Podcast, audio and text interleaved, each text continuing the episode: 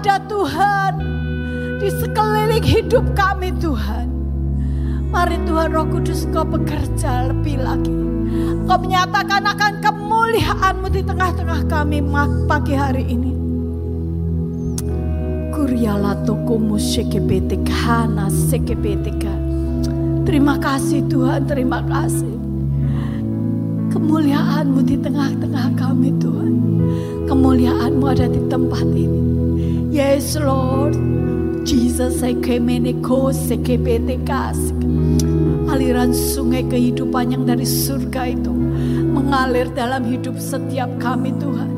Mengalir Tuhan dengan deras, membasahi kehidupan kami, membersihkan hidup kami Tuhan, membersihkan kehidupan kami.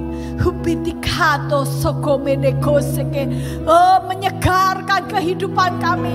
Kumini sohomene sohomene kata, hikiri kaso komene karena melepaskan kami dari segala belenggu-belenggu kepahitan. Husika sikapata. Hikiralah dari semua kekotoran kami. Membersihkan Tuhan, membersihkan. Terima kasih Tuhan Yesus, terima kasih terus Tuhan Roh Kudus. Yes Lord, Jesus, haleluya. Tuhan Roh Kudus pengurapanmu nyata di tengah-tengah kami pagi hari ini. Hanya Engkau ya Tuhan yang kami rindukan. Hanya Engkau ya Tuhan terus bekerja Tuhan terus. Engkau yang melayakkan setiap kami Tuhan untuk menerima, untuk menerima bagian yang kau sediakan dalam setiap kehidupan kami. Rohmu bekerja di mana pun juga Tuhan. Di mana pun juga, di tempat ini Tuhan. Rohmu bekerja dengan ajaib. Engkau membersihkan, engkau menguatkan, engkau meneguhkan setiap anak-anakmu. Engkau menyembuhkan Tuhan, engkau menyembuhkan. Kasih. Engkau melepaskan Tuhan. Engkau memberi masa depan yang baru. Engkau memberi masa depan yang cerah Tuhan dalam nama Yesus. Dalam nama Yesus. Dalam nama Yesus. Hikuni sohono kosoko kata taka. Pagi hari ini kami mau terima yang ilah yang daripada engkau Tuhan. Yang ilah yang daripada engkau. Oralato soko terima kasih. Di dalam nama Tuhan Yesus, setiap yang percaya katakan, aku terima yang ilahi dari Tuhan. Di dalam nama Tuhan Yesus, kami terima yang ilahi dari Tuhan di mana pun kami berada. Yang ilahi dari Tuhan, roh Tuhan bekerja. Terima kasih Tuhan Yesus, terima kasih. Segala pujian, hormat, kemuliaan hanya bagi Engkau Tuhan, Raja di atas segala Raja. Tuhan kami Yesus Kristus. Setiap yang percaya katakan, amin.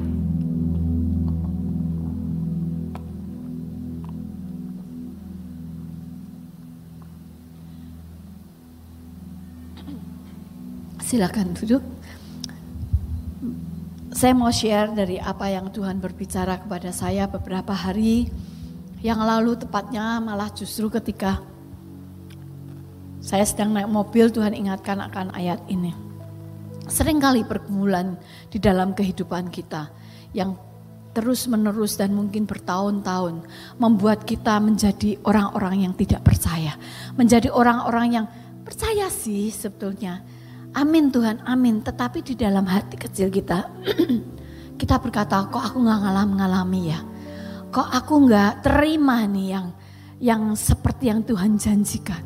Seringkali di dalam hati kecil kita mungkin ada yang berbicara, Tuhan kapan sih Tuhan?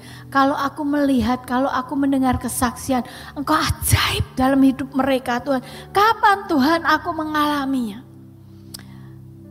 Tidak memungkir, uh, tidak memungkiri, saya tidak memungkir. Kadang-kadang itu yang juga masuk di dalam kehidupan saya, di dalam pikir, pemikiran saya. Saya selalu bertanya Tuhan, Engkau ajaib. Dengar kesaksian, ajaib Tuhan Engkau luar biasa, engkau dahsyat. Engkau bekerja dulu sekarang bahkan selama-lamanya.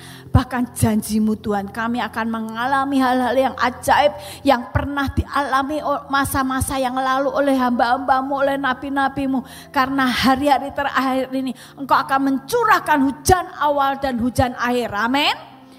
Kita percaya itu satu hal yang besar, satu hal yang ajaib. Dan saya percaya setiap kita merindukannya. Demikian juga saya merindukan hal yang ajaib, hal yang besar yang daripada Tuhan. Tapi sering kali setiap pencobaan, setiap uh, ada sakit penyakit, apa pun juga pergumulan kita. Kita sering berkata, Tuhan kapan toh Tuhan aku sembuh? Kapan toh Tuhan aku mengalami yang ilahi yang daripada engkau. Seperti yang teman-temanku sudah alami. Saudara, saya diingatkan ayat ini. Ini cerita Markus, Mas, Markus 9. Uh, eh, nanti Bapak Ibu Saudara baca ya. Ini tentang di mana ya uh, Tuhan Yesus bertemu dengan seorang yang memiliki anak yang bisu. Yang memiliki anak yang bisu dan dia anak ini dirasuki setan sehingga seperti orang ayan dia diguling-guling sakit. Dan dia berkata pada Tuhan, kita mau baca mulai dari ayat yang ya uh, ayat 19. Maka kata Yesus kepada mereka, "Hei kamu angkatan yang tidak percaya, berapa lama lagi aku harus tinggal di antara kamu? Berapa lama lagi aku harus sabar terhadap kamu?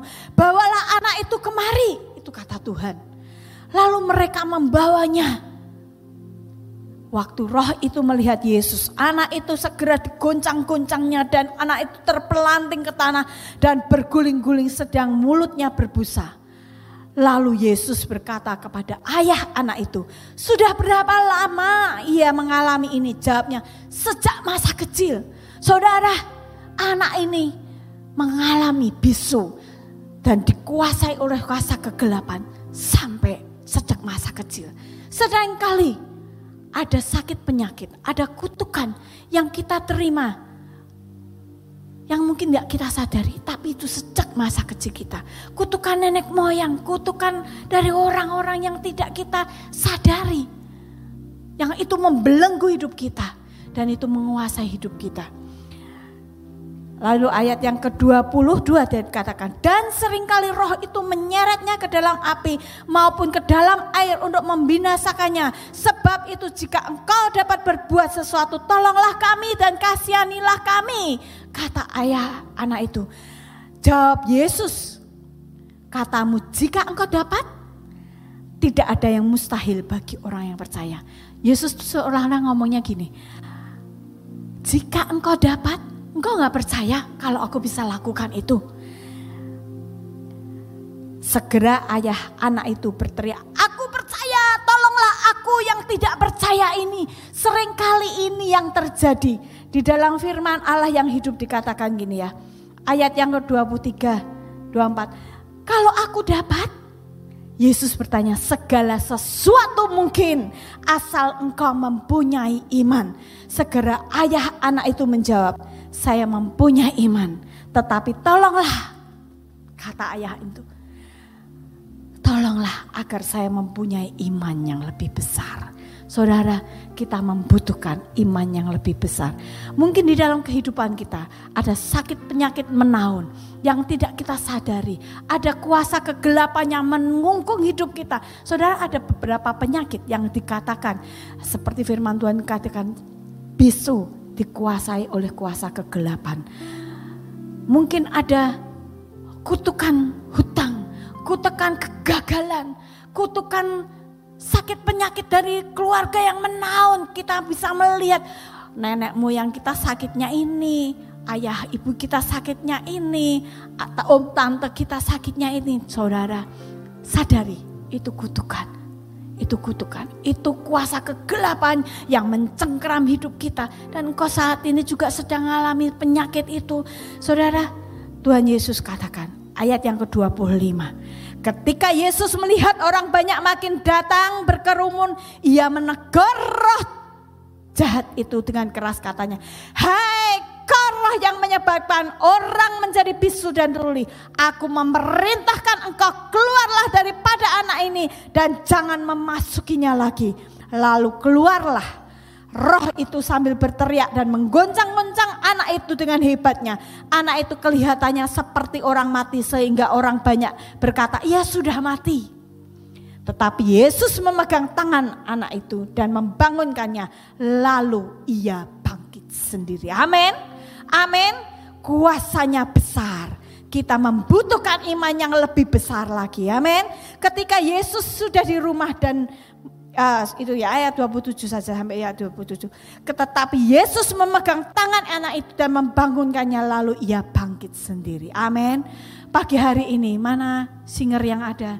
Saya masih mau nyanyi, saya kita mau sih mau sembah Tuhan, kita mau sama-sama ayo kita bangkit berdiri sekali lagi kita berbahasa roh apa pun engkau yang ada di rumah saat ini engkau punya sakit penyakit apa pun juga engkau dikuasai oleh penderitaan apa pun juga engkau dikuasai oleh uh, kutukan hutang kutukan kegagalan di dalam setiap pekerjaan di dalam studimu di dalam apa pun juga.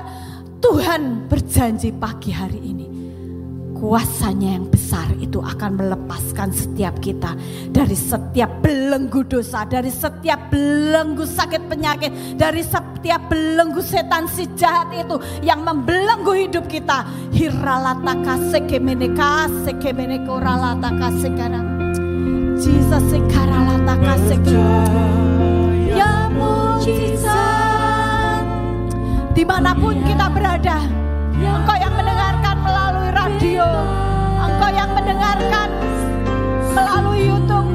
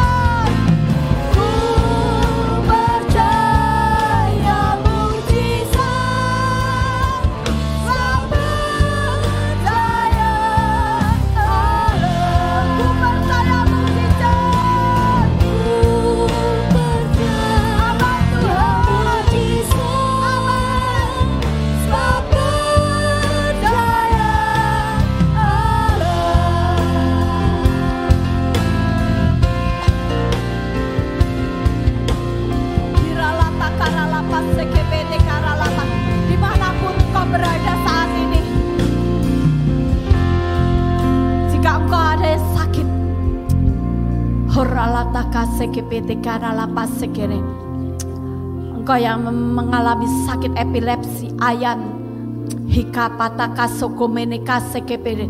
Engkau mengalami bisu tuli, kipata tataka sokomeneka sekepe. Engkau mengalami sakit kanker, dalam nama Tuhan Yesus, dalam nama Tuhan Yesus, semua kutukan-kutukan, semua sakit penyakit yang disebabkan oleh kuasa-kuasa kegelapan saat ini seperti Tuhan Yesus berkata kami dengan kami gerejamu dengan otoritas yang daripada Allah. Kami mau berkata kepada roh sakit penyakit yang menguasai orang-orang yang menguasai anak-anak yang ada di tempat ini maupun di mana pun berada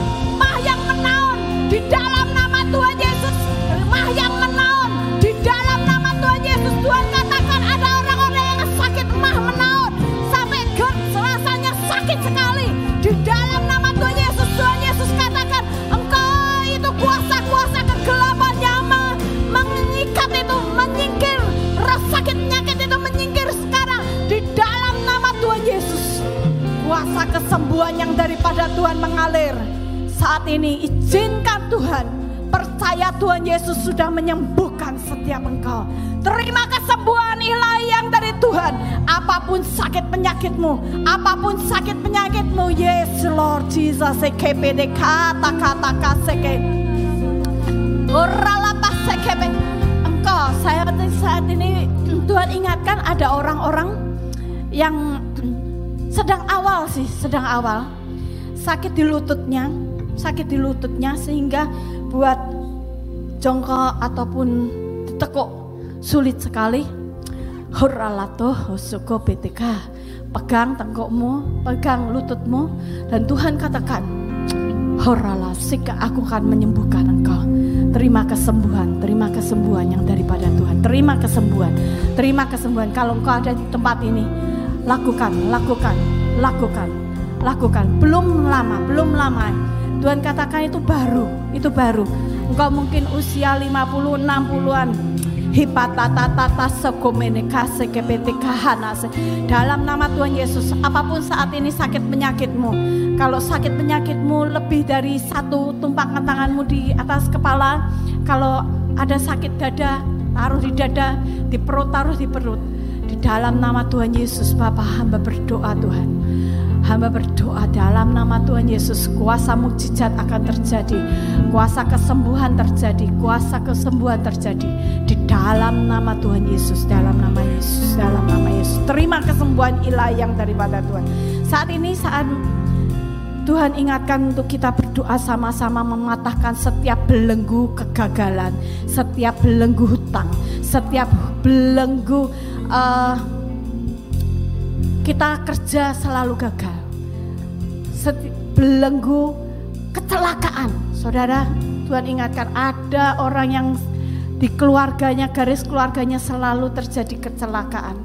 Hiralatuku musik ini, ini kita mau patahkan semua belenggu hutang, semua belenggu kegagalan.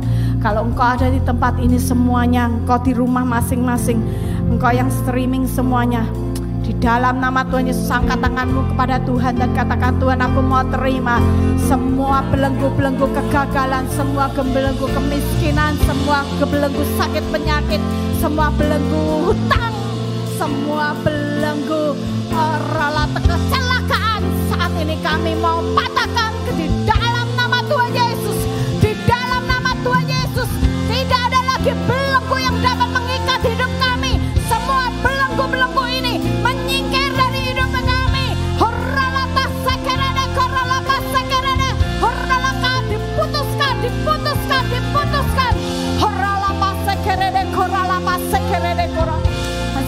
Tuhan. Kami mau terima Tuhan yang ilahi yang daripada Engkau. Terima kami mau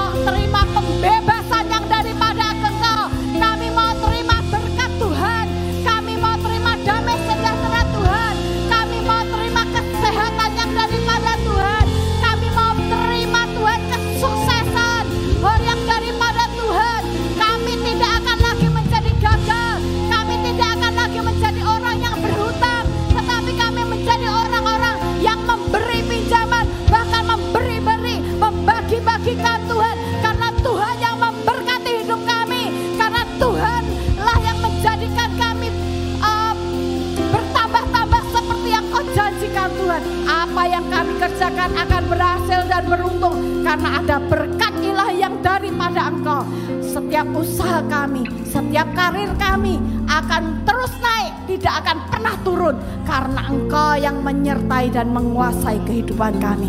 Terima kasih Tuhan Yesus. Ini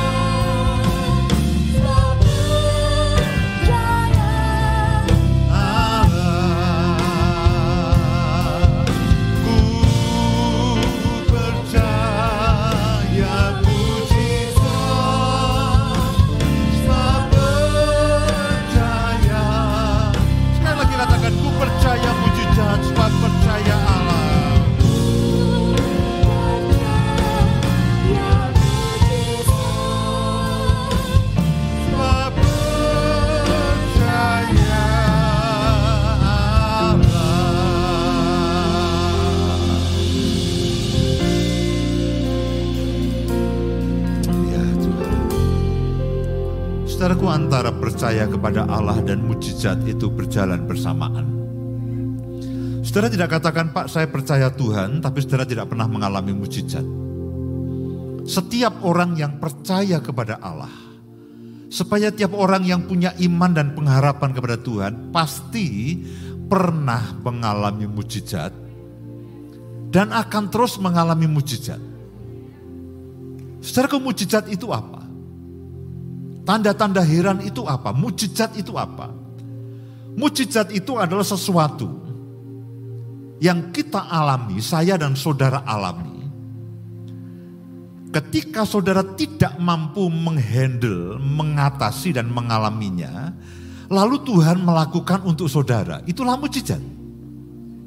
Saudara tidak bisa menyelamatkan diri saudara sendiri. Lalu Yesus datang ke muka bumi, menebus dosa saudara, memberikan keselamatan kepada saudara. Hanya oleh karena anugerah, kemurahan, dan kasih karunia, itu mujizat. Saudara sakit, Saudara sudah coba ke dokter, saudara sudah coba berbagai macam obat, kadang-kadang tidak selalu dokter itu mampu dan obat itu bisa menyembuhkan sakit penyakit saudara dengan total. Kadang-kadang ada komplikasi-komplikasi tertentu, kadang-kadang ada penyebab-penyebab tertentu, kadang-kadang ada kutuk dari nenek moyang dan sebagainya yang tidak bisa terdeteksi oleh akal sehat manusia. Kadang-kadang ada situasi-situasi yang kita tidak bisa kendalikan seperti hari-hari ini. Keuangan, ekonomi dan sebagainya. Kita tidak bisa mengendalikan. Hikmat manusia terbatas. Pengertian manusia terbatas, kekuatan manusia terbatas, kemampuan manusia terbatas. Tuhan memberi hikmat pada saudara. Itu mujizat. Tuhan memberikan cara kepada saudara itu mujizat. Dan ketika Tuhan melakukan sesuatu yang tidak pernah saudara duga sebelumnya itu mujizat. Saya berharap pada hari-hari yang justru secara manusia ini kita tidak mudah dan sulit. Itu kuasa dan mujizat Tuhan akan saudara alami hari demi hari. Setiap waktu, setiap kondisi. Siapa lagi yang saudara bisa andalkan? Siapa lagi yang saudara bisa harapkan pada masa-masa sulit seperti ini? Dan puji Tuhan, Tuhan hadir untuk saudara dan saya. Mari sekali lagi berdoa pada pagi hari. Tuhan kami mengharapkan campur tanganmu setiap hari. Beri kami pengertian, singkapkan dan wahyukan kebenaran firmanmu Supaya firmanmu itu terus bekerja dalam kehidupan kami. Kuasa penciptaan itu, iman itu akan terus bekerja dalam kehidupan kami. Terima kasih Bapak, terima kasih. Hikmat, wahyu dan pengertian yang daripadamu. Kiranya terus bekerja dalam kehidupan kami. Dalam nama Tuhan Yesus kami berdoa. Amin. Saudara boleh duduk.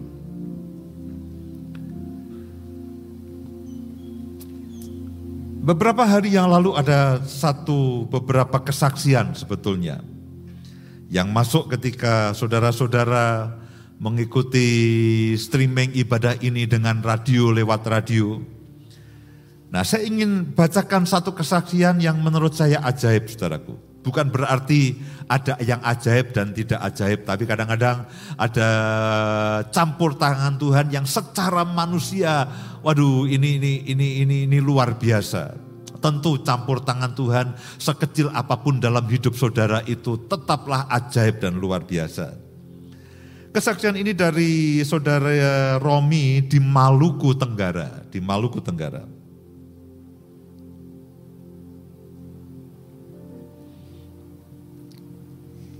Shalom Pastor, kami mendengarkan ibadah streaming lewat Radio Love Jogja.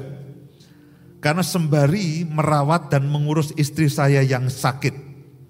Istri saya dijamah Tuhan sepanjang ibadah. Ini dari Romi di Maluku Tenggara.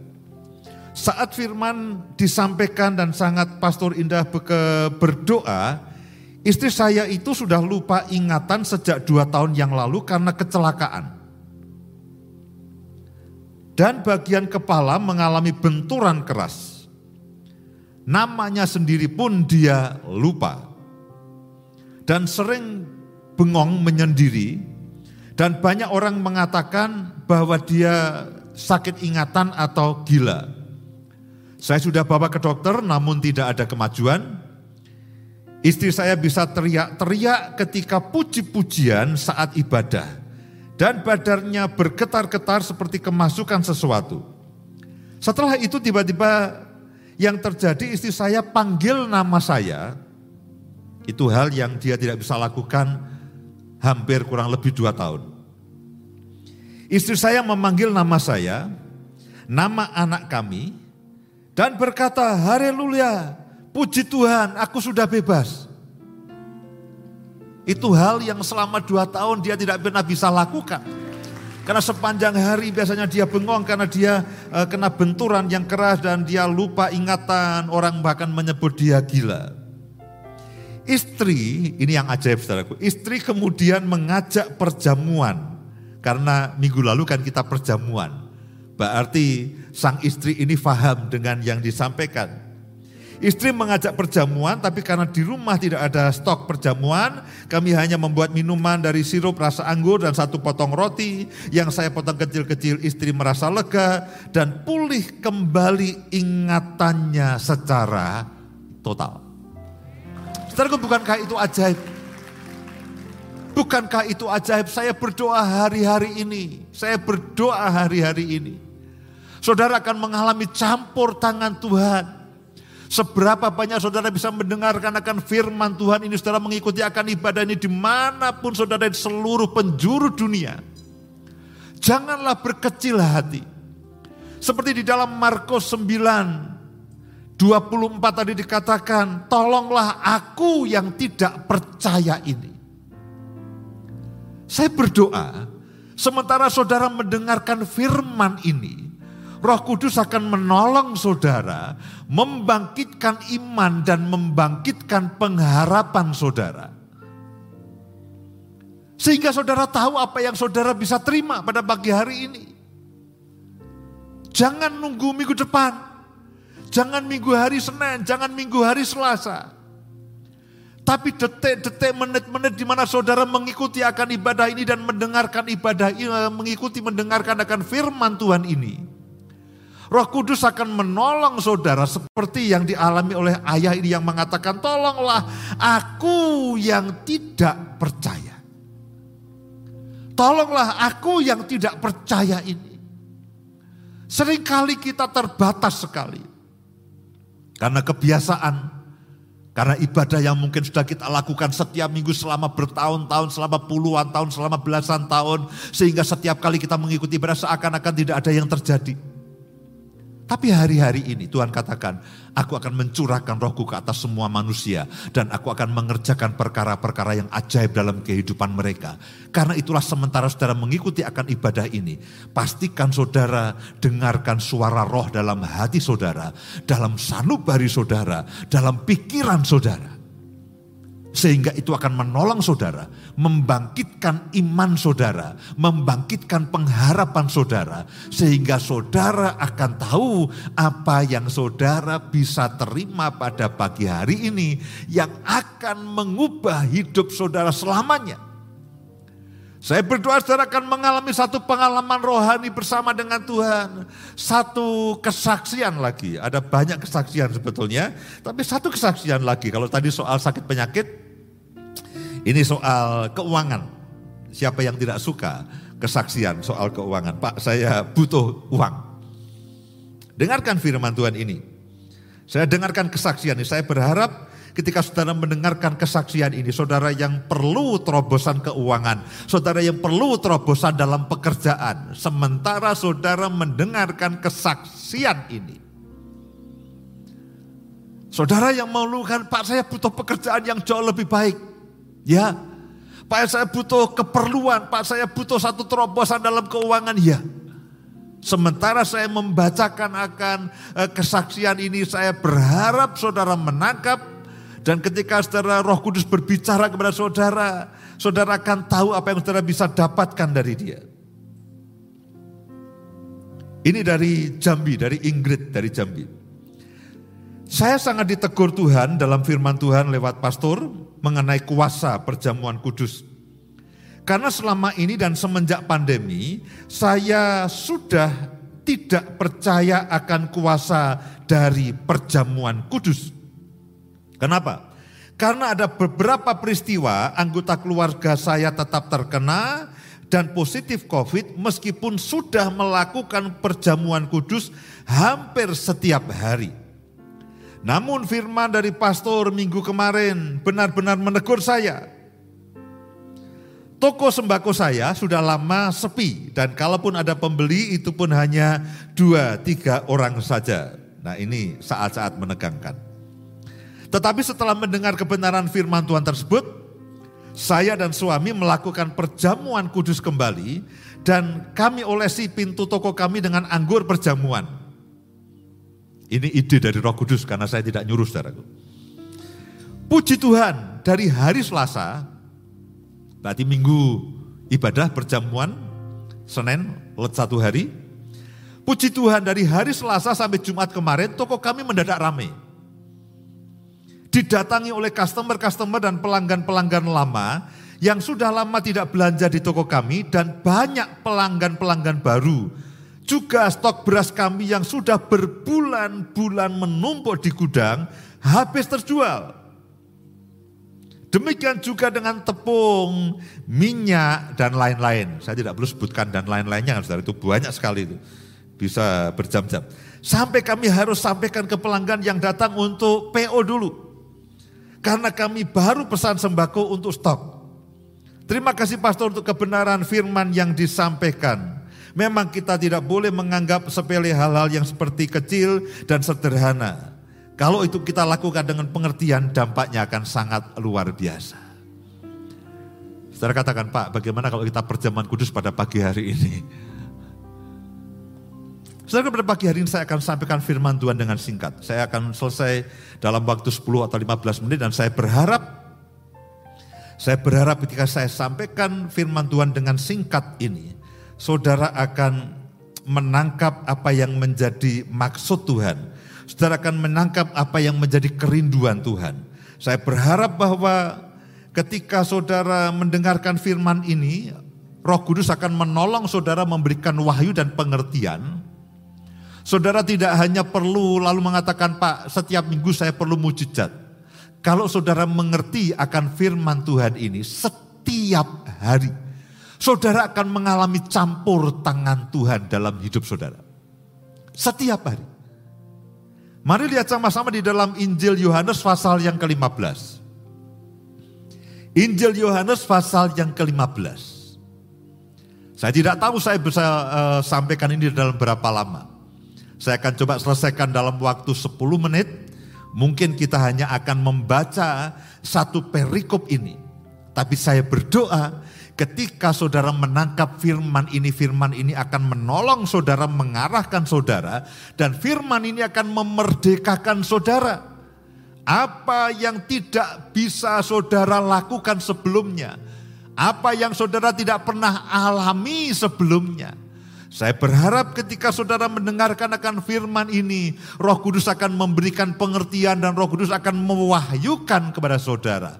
Saudara akan menangkap sesuatu dari firmannya dan firman itu akan bertumbuh dalam kehidupan saudara. Lalu berbuah 30, 60 bahkan 100 kali lipat. Saudaraku apa yang kita akan baca ini adalah mengenai pokok anggur yang benar pokok anggur yang benar. Bukan perikop yang asing, bukan perikop yang saudara belum pernah baca sebelumnya, tapi kita akan lihat ini ada satu prinsip kebenaran dalam kehidupan kita. Injil Yohanes pasal yang ke-15 ayat yang pertama. Akulah pokok anggur yang benar dan Bapakulah pengusahanya. Setiap ranting padaku yang tidak berbuah dipotongnya. Dan setiap ranting yang berbuah dibersihkannya supaya ia lebih banyak berbuah. Perhatikan kata-kata yang mengatakan supaya ia lebih banyak berbuah. Saudara sudah pernah mengalami campur tangan Tuhan dalam kehidupan saudara. Yang Tuhan rindukan adalah saudara akan lebih banyak lagi mengalami campur tangan dalam kehidupan saudara. Saudara sudah pernah mengalami pertolongan Tuhan dalam hal apa pun. Tapi Tuhan tidak ingin berhenti. Tuhan tidak ingin mengatakan, nah cukup. Stok mujizat di surga menipis. Karena pandemi ini stok mujizat di surga menipis. Tidak. Yang firman Tuhan ingin sampaikan dan saudara dan saya adalah supaya kamu lebih banyak berbuah, supaya saudara dan saya lebih banyak lagi mengalami Tuhan dalam kehidupan saudara dan saya. Di dalam firman Tuhan, di dalam Alkitab, di dalam kehidupan kerajaan surga, itu tidak ada sesuatu yang menurun, itu tidak ada. Yang ada adalah pertambahan, yang ada adalah pertumbuhan.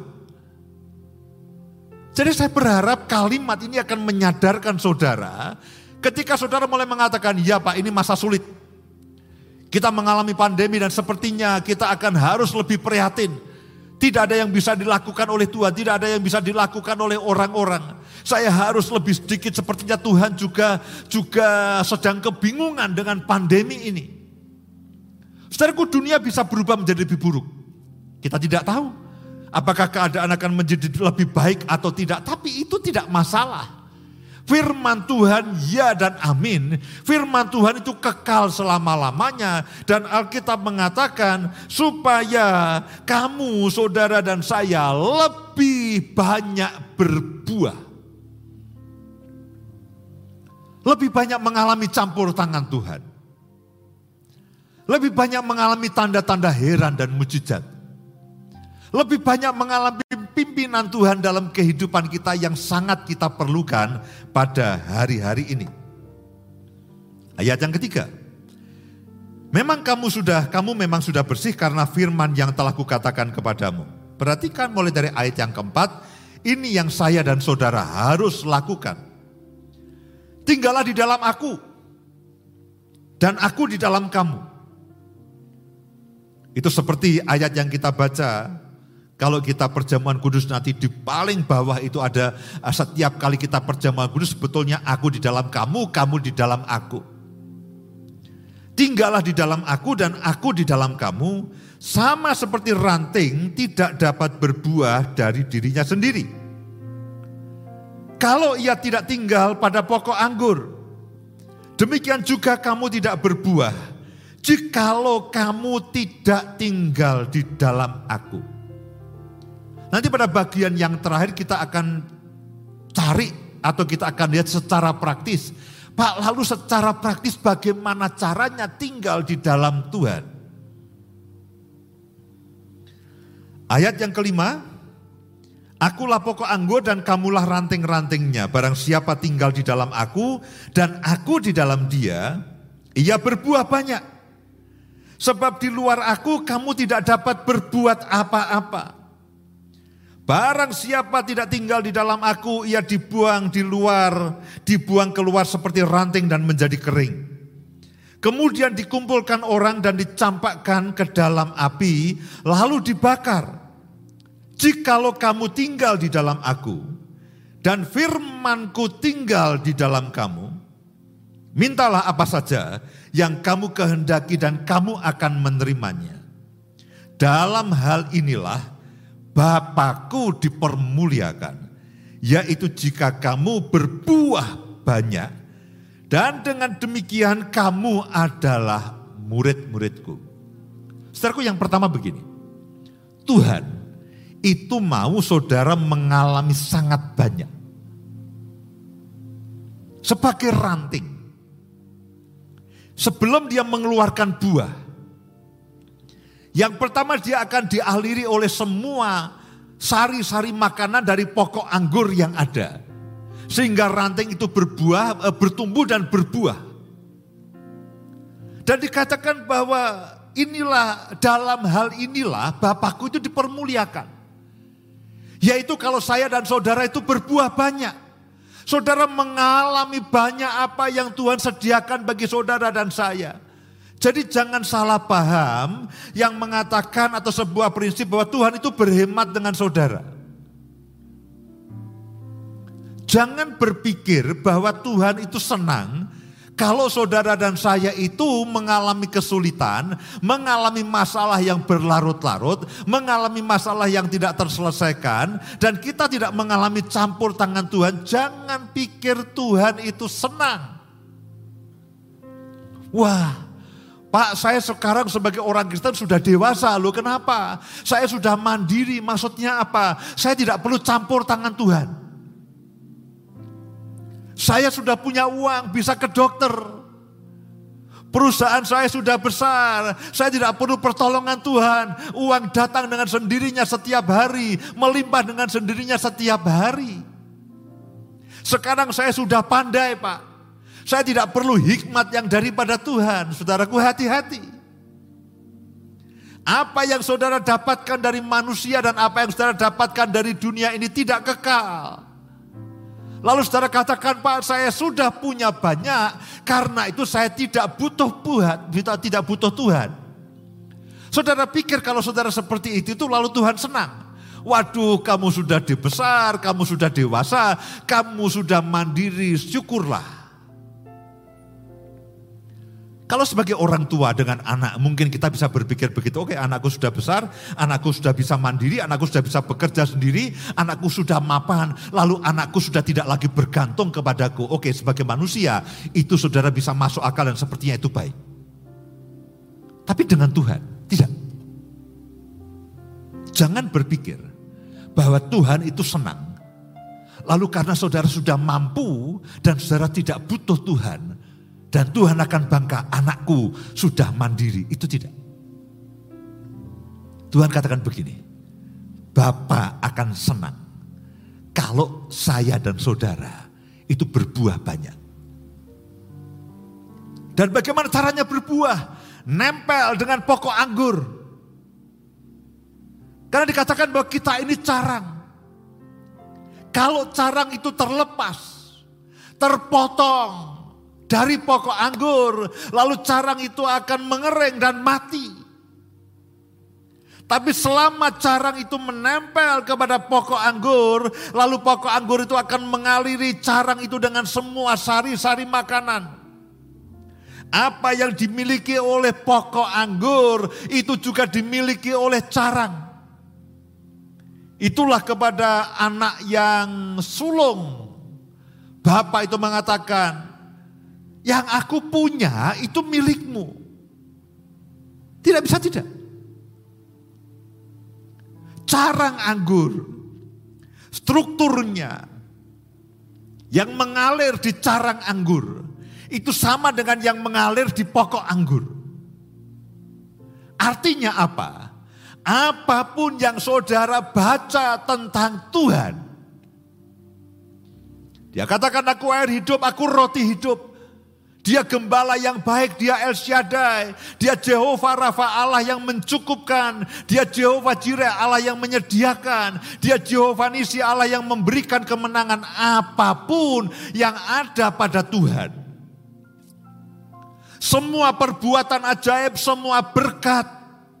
Apa pun yang Tuhan miliki yang saudara bisa baca di dalam Alkitab. Oh Tuhan itu ajaib ya. Tuhan itu menjamin masa depan saya. Tuhan itu penuh dengan berkat. Tuhan itu menolong saya. Tuhan itu melindungi saya. Tuhan itu menyembuhkan orang-orang. Tuhan itu membuat menang orang-orang.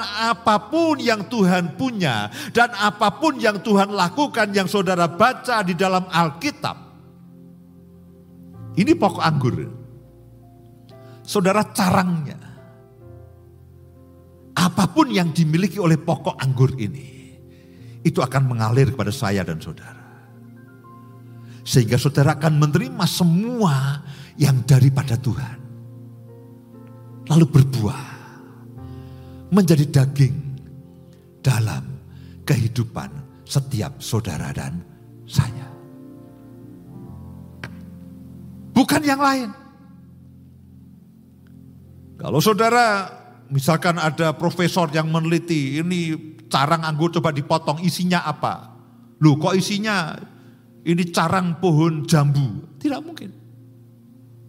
Lalu pokok anggur, carang anggur berbuah jambu? Tidak mungkin. Buahnya ang, anggur karena strukturnya sama. Jadi kebenaran yang saudara harus pegang adalah ketika saudara sebagai carang nempel ke pokoknya, itu otomatis.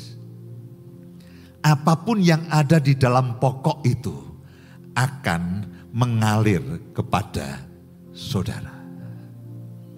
Itulah gambaran yang dimaksud dengan tinggal di dalam Kristus. Beberapa hal praktis yang saudara bisa lakukan setiap hari. Supaya apa? Saudara itu tinggal di dalam Kristus. Secara perlu saudara bertanya, Pak, caranya bagaimana? Caranya bagaimana? Apakah saya harus menanam pohon anggur? Tidak harus. Itu sebuah gambar, itu sebuah perumpamaan. Saudara akan bertanya, Pak caranya bagaimana? Sesulit apakah sebagai carang saya nempel kepada pokok? Sebetulnya saudaraku tidak ada cara yang sulit. Tuhan Yesus datang ke muka bumi ini bukan untuk mempersulit saudara. Bukan untuk memperumit hidup saudara dan saya. Caranya selalu gampang. Sebelum saya sampaikan, persoalannya memang adalah kedisiplinan dan konsistensi. Itulah kedisiplinan dan konsistensi. Yang pertama, bagaimana saudara bisa melekat sebagai cara melekat kepada pokok anggurnya? Yang pertama ada di dalam Mazmur pasal yang pertama, ayat yang pertama. Bersekutu dengan firmannya. Lupa kok itu terus? Iya ya memang apa lagi? Itulah yang Tuhan mau. Jikalau kamu tinggal di dalam aku dan firmanku tinggal di dalam kamu. Mintalah apa saja. Dan kamu akan menerimanya.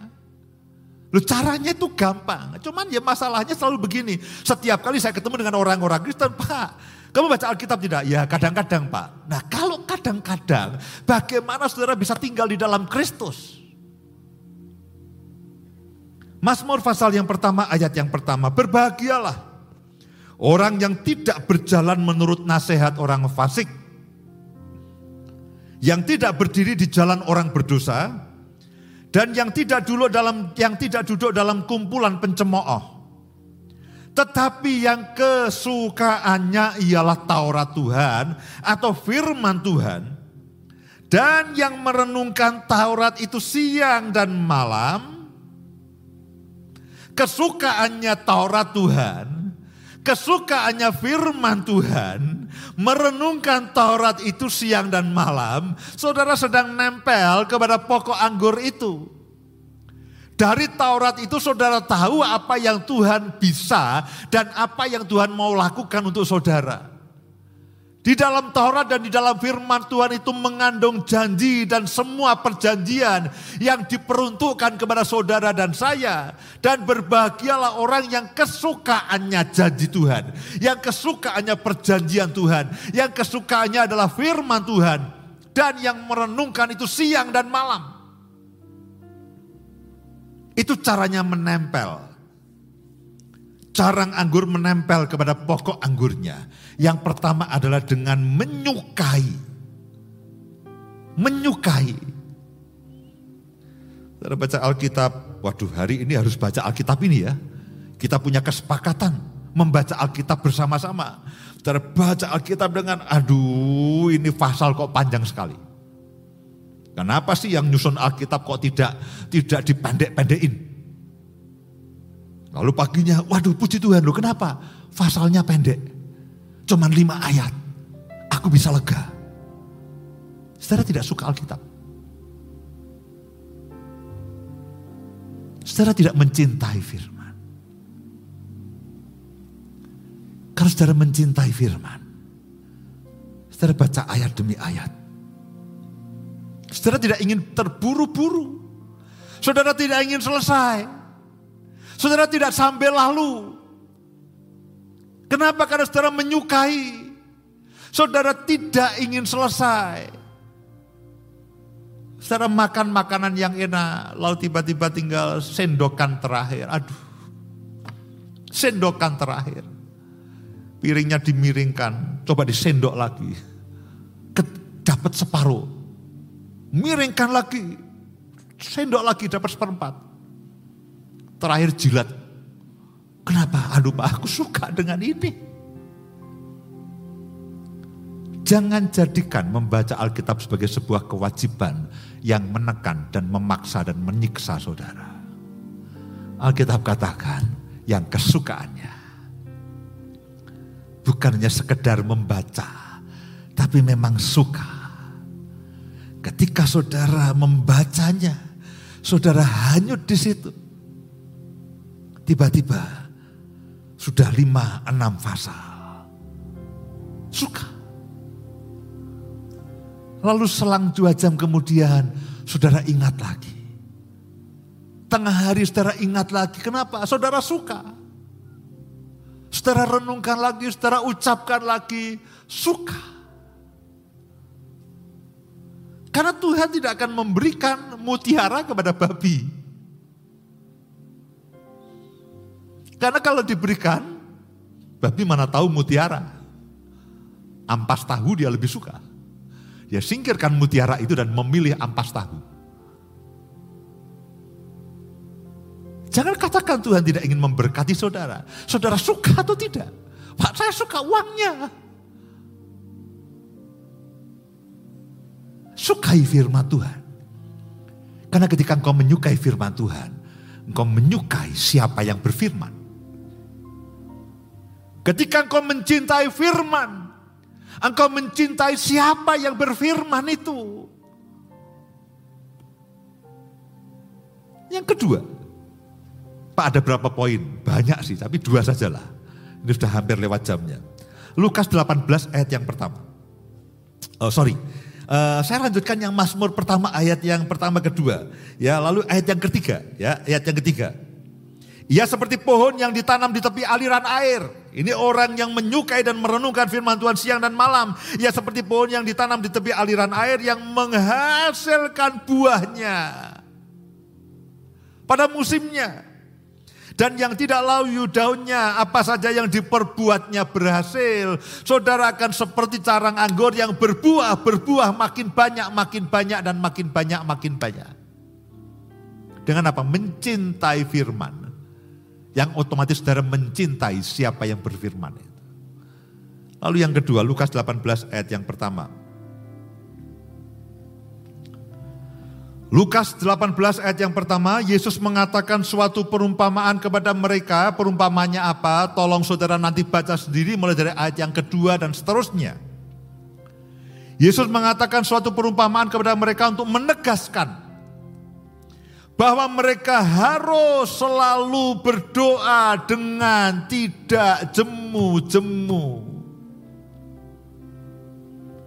Untuk menegaskan perumpamannya apa, saudara baca sendiri, tapi poin utamanya adalah untuk menegaskan bahwa mereka harus berdoa dengan tidak jemu-jemu. Yang pertama menyukai firman, yang berarti menyukai siapa yang berfirman. Yang kedua, berdoa tidak dengan jemu-jemu, menyukai doa. Paulus katakan setiap kali aku mengingat kamu, aku selalu berdoa dengan penuh sukacita. Kalau saudara berdoa hanya pada waktu kepepet, saudara tidak rindu kepada yang menjawab doa itu. Saudara hanya perlu pertolongan semata. Tapi kalau saudara memang suka berdoa, Saudara menyukai siapa di balik doa itu. Saudara mencintai siapa yang bisa menjawab doa itu. Jadi kuncinya sama. Ranting anggur yang menyukai pokok anggur. Dia akan mendengarkan firmannya. Dia akan terus bersekutu. Dia akan terus berdoa. Niscaya. Gembala yang baik akan menggembalakan saudara. Jehovah Jireh. Allah yang menyediakan akan menyediakan pada saudara. Semua yang saudara perlukan menurut kekayaan dan kemuliaannya. Jehovah Rafa akan mengalir dalam kehidupan saudara. Kesehatan, kekuatan, kebugaran yang daripada Tuhan. Jehovah Nisi, kemenangan yang daripada Tuhan. Roti hidup yang akan memuaskan dan mengenyangkan hidup saudara. Air kehidupan yang akan menyegarkan, menguduskan, menahirkan semua hidup saudara. Cintai Tuhan. Cintai firman-Nya. Dan cintai bersekutu dengan dia. Dengan doa yang tidak henti-hentinya. Amin. Mari bangkit berdiri semuanya.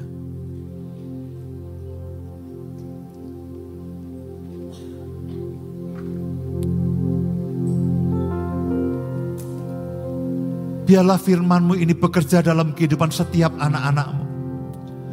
Hamba berdoa di mana pun mereka mendengarkan, di mana pun mereka berada. Apakah yang gede ada di gedung ibadah ini, apakah yang menyaksikan lewat YouTube, lewat media sosial apa pun, apakah yang mendengarkan lewat radio. Hamba berdoa wahyukan firman ini. Wahyukan kebenaran firman ini bahwa kami sebagai ranting yang menempel kepada pokok anggur dan itu yang Bapak suka dan Bapak mau. Dengan cara setiap kali kami menyukai, membaca, merenungkan firman. Dan setiap kali kami berdoa dengan tidak henti-henti. Niscaya kami akan mengalami banyak dan kami akan menghasilkan banyak. Firman itu akan menjadi kesaksian bagi hidup kami. Dan bagi banyak orang. Hamba berdoa biar hari-hari ke depan akan menjadi hari-hari yang penuh dengan buah-buah yang baik yang daripadamu Tuhan. Hamba berdoa setiap anak-anakmu di mana pun mereka berada, mereka akan mengalami akan engkau. Mereka akan mengalami buah-buah kehidupan itu. Mereka akan mengalami buah-buah roh itu. Mereka akan mengalami semua yang baik yang daripadamu. Sehingga mereka bisa bersaksi kepada banyak orang, aku mengalami Tuhan. Di mana pun saudara berada, angkat tanganmu saudaraku. Angkat tanganmu. Angkat tanganmu dan terimalah. Benih firman itu dalam kehidupan saudara. Terimalah benih firman itu. Setiap hari, setiap kali engkau akan mengalami Tuhan, engkau akan merasakan hadiratnya, dan engkau akan mengalami campur tangan Tuhan dalam kehidupanmu. Berkati setiap anak-anakmu dengan semua yang baik ya Tuhan. Terima kasih Bapak, terima kasih. Terima kasih Tuhan. Dalam nama Tuhan Yesus. Kami juga akan memberikan persembahan pada pagi hari ini. Setiap kali kami memberikan persembahan, kami akan bawa dengan hati yang penuh dengan kerinduan. Hati yang penuh dengan kerelaan dan bahkan hati yang penuh dengan sukacita.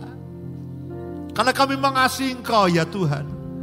Kami bawa perpuluhan kami, kami bawa persembahan syukur kami. Kami bawa persembahan untuk misi, kami bawa persembahan untuk saling sembilan satu. Kami bawa persembahan syukur kami kepadamu Tuhan. Terima kasih Bapak, terima kasih. Di dalam nama Tuhan Yesus kami berdoa. Amin. Silakan saudara duduk. Saudara bisa memberikan persembahan bagi saudara yang mengikuti ibadah secara online Saudara bisa lihat akan semua internet banking, online banking, uh, digital eh, payment semuanya saudara bisa perhatikan. Dengan cara itulah saudara akan memberikan persembahan. Setiap kali saudara akan memberikan persembahan berdoa. Jangan jadikan persembahan sebagai sebuah kebiasaan. Tapi itulah cinta saudara. Itulah syukur saudara kepada Tuhan. Dan khusus kepada saudara yang mengikuti ibadah ini lewat uh, streaming radio, saya akan bacakan ada satu nomor rekening yang saudara bisa catat, saudara bisa ingat dengan mudah, yaitu rekening Bank Sentral Asia atau uh, lebih populer dengan BCA 017 121 7007 017 121 7007 atas nama GKKD Glory of God Yogyakarta. Ya, itu rekening eh, BCA. Ya, itu saja ya supaya saudara mengingatnya mudah. 017 121 7007. Baik, saya rasa tidak ada pengumuman yang lainnya. Mari sekali lagi saudara bangkit berdiri. Kita akan tutup ibadah kita pada pagi hari ini. Angkat kedua tangan saudara dan terimalah berkat Tuhan. Saudara akan mengalami hari-hari di mana firman itu akan digenapi dalam kehidupan saudara. Perhatikan baik-baik. Ketika saudara bersekutu dengan firman itu, saudara membaca Alkitab menyukainya, dan merenungkannya Roh Kudus akan menolong saudara membawa kepada satu pengalaman dengan firman itu. Saudara akan mengalami keadaan yang persis seperti firman itu. Saudara akan mengalami satu pertolongan Tuhan, campur tangan Tuhan, persis dengan firman yang saudara baca. Dan roh akan mewahyukan, memberikan pengertian kepada saudara. Dan setiap kali saudara berdoa, saudara akan mengalami Tuhan lebih lagi. Saudara tidak akan menghadap tembok yang putih. Saudara tidak akan merasakan lagi bahwa uh, doa saudara membentur langit-langit di rumah saudara. Tapi setiap kali saudara berdoa, saudara akan mengalami perjumpaan ilahi dengan Tuhan. Dan saudara bisa merasakan bahwa Tuhan itu di depan saudara. Setiap kali saudara bercakap dengan Tuhan. Setiap kali saudara berdoa Tuhan dengan Tuhan saudara akan mengalami kenyataan Tuhan dalam kehidupan saudara. Berkati setiap anak-anakmu dengan semua yang baik. Perlindunganmu yang sempurna menyertai hidup mereka. Terima kasih Bapak. Dalam nama Tuhan Yesus kami mengucap syukur, kami berdoa. Semua yang percaya sama-sama katakan, amin. Tuhan memberkati.